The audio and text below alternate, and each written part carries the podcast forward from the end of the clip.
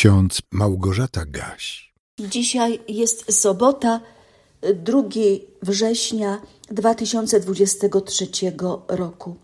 W drugiej księdze Mojżeszowej, w 23 rozdziale, wierszu pierwszym czytamy: Nie rozgłaszaj fałszywej wieści. A w liście do Efezjan, w czwartym rozdziale, wierszu 25, apostoł Paweł napisał: Odrzuciwszy kłamstwo, mówcie prawdę, każdy z bliźnim swoim, bo jesteśmy członkami jedni drugich. Fałszywa wiadomość, czyli kłamstwo, mijanie się z prawdą, jak czasami mówimy, chcąc załagodzić fakt, że ktoś kogoś próbuje wprowadzać w błąd, oszukuje poprzez rozgłaszanie nieprawdziwych wieści. Kiedy ostatnio usłyszeliśmy fałszywą wiadomość? A kiedy ostatnio sami przekazaliśmy komuś fałszywą wiadomość? Świadomie lub nieświadomie? Tak, czasami jesteśmy fałszywymi świadkami, bo zbyt szybko przekazujemy dalej na przykład niesprawdzone wiadomości na temat drugiego człowieka. Po prostu bezmyślnie plotkujemy, rozgłaszamy nowe wieści, bo chcemy zyskać uznanie w oczach tych, którzy lubią słuchać nowych wieści na temat wspólnych znajomych albo osób publicznych, których życie stale jest oceniane. Gorzej, gdy robimy to świadomie, z premedytacją, bo po prostu chcemy kogoś oczernić, komuś zaszkodzić, zniszczyć czyjeś dobre imię. Na pewno wiemy, jak brzmi ósme przykazanie, ale czy zawsze chcemy o tym przykazaniu pamiętać? Ja chcę, chociaż muszę przyznać, że nie jest łatwo trzymać się twardej zasady, o której dziś słyszymy z drugiej księgi Mojżeszowej, z 23 rozdziału. Nie rozgłaszaj fałszywej wieści Dziś wspólnie z Wami chcę się zastanowić, dlaczego tak jest? Dlaczego lubimy plotkować, omawiać publicznie czyjeś życie, a czasami nawet kłamać, chyba tylko po to, by siebie wybielić, usprawiedliwić, pokazać w lepszym świetle.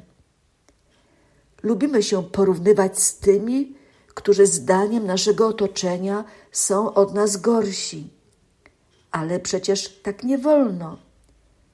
Tak nie przystoi ludziom wierzącym w Boga, ludziom znającym dekalog. Przypomnę to ósme przykazanie. Nie mów fałszywego świadectwa przeciw bliźniemu swemu. Co to znaczy? Odpowiedź, którą odnajdujemy w kateizmie Lutra brzmi: Powinniśmy Boga bać się i kochać Go, abyśmy drugiego człowieka perfidnie nie okłamywali, nie zdradzali, nie plotkowali o nim, ani nie naruszali jego dobrego imienia, ale go bronili przed oskarżeniami, dobrze o nim mówili i wszystko zwracali ku dobremu. Wszystko, co dotyczy naszego bliźniego, mamy zwracać ku dobremu. Czy tak chcemy? Czy tak potrafimy? Drodzy słuchacze, jest takie stare powiedzenie: dla chcącego nic trudnego. A ja dziś dodam: dla wyznawców Chrystusa, dla Jego naśladowców, najważniejsza powinna być chęć dążenia do osiągnięcia sukcesu zwycięstwa nad szatanem, który tak często próbuje nas odwieść od Bożych przykazań.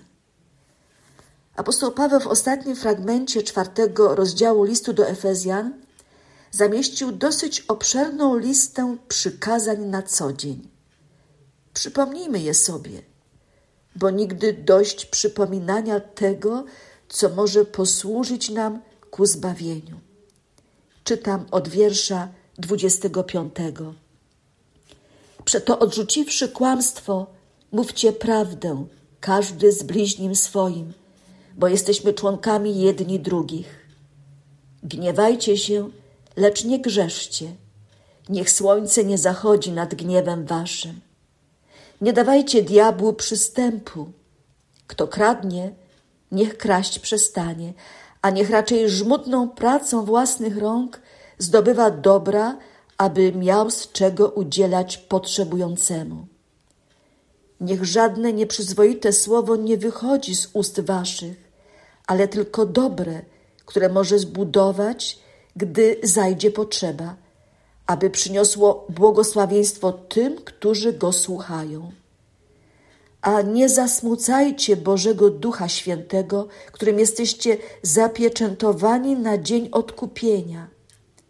Wszelka gorycz i zapalczywość, i gniew, i krzyk, i złorzeczenie niech będą usunięte spośród was wraz z wszelką złością.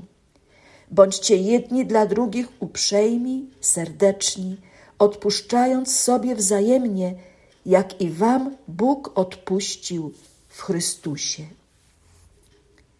Drodzy słuchacze, módlmy się słowami modlitwy, której autorką jest Sonia Ręż. Panie, pomóż, abyśmy umieli rozpoznawać błędne ognie naszych czasów, które nas mamią tym, że kłamstwem, okazywaniem siły i bezwzględnością można znacznie szybciej dotrzeć do celu. Ufając w to, że jesteś z nami na naszych drogach, mamy odwagę do tego, by w szczerości i miłosierdziu postępować wobec siebie nawzajem. Panie, dopomóż nam w tym. Amen. Niech Wam wszystkim błogosławi Wszechmogący i miłosierny Bóg, Ojciec, Syn i Duch Święty. Amen.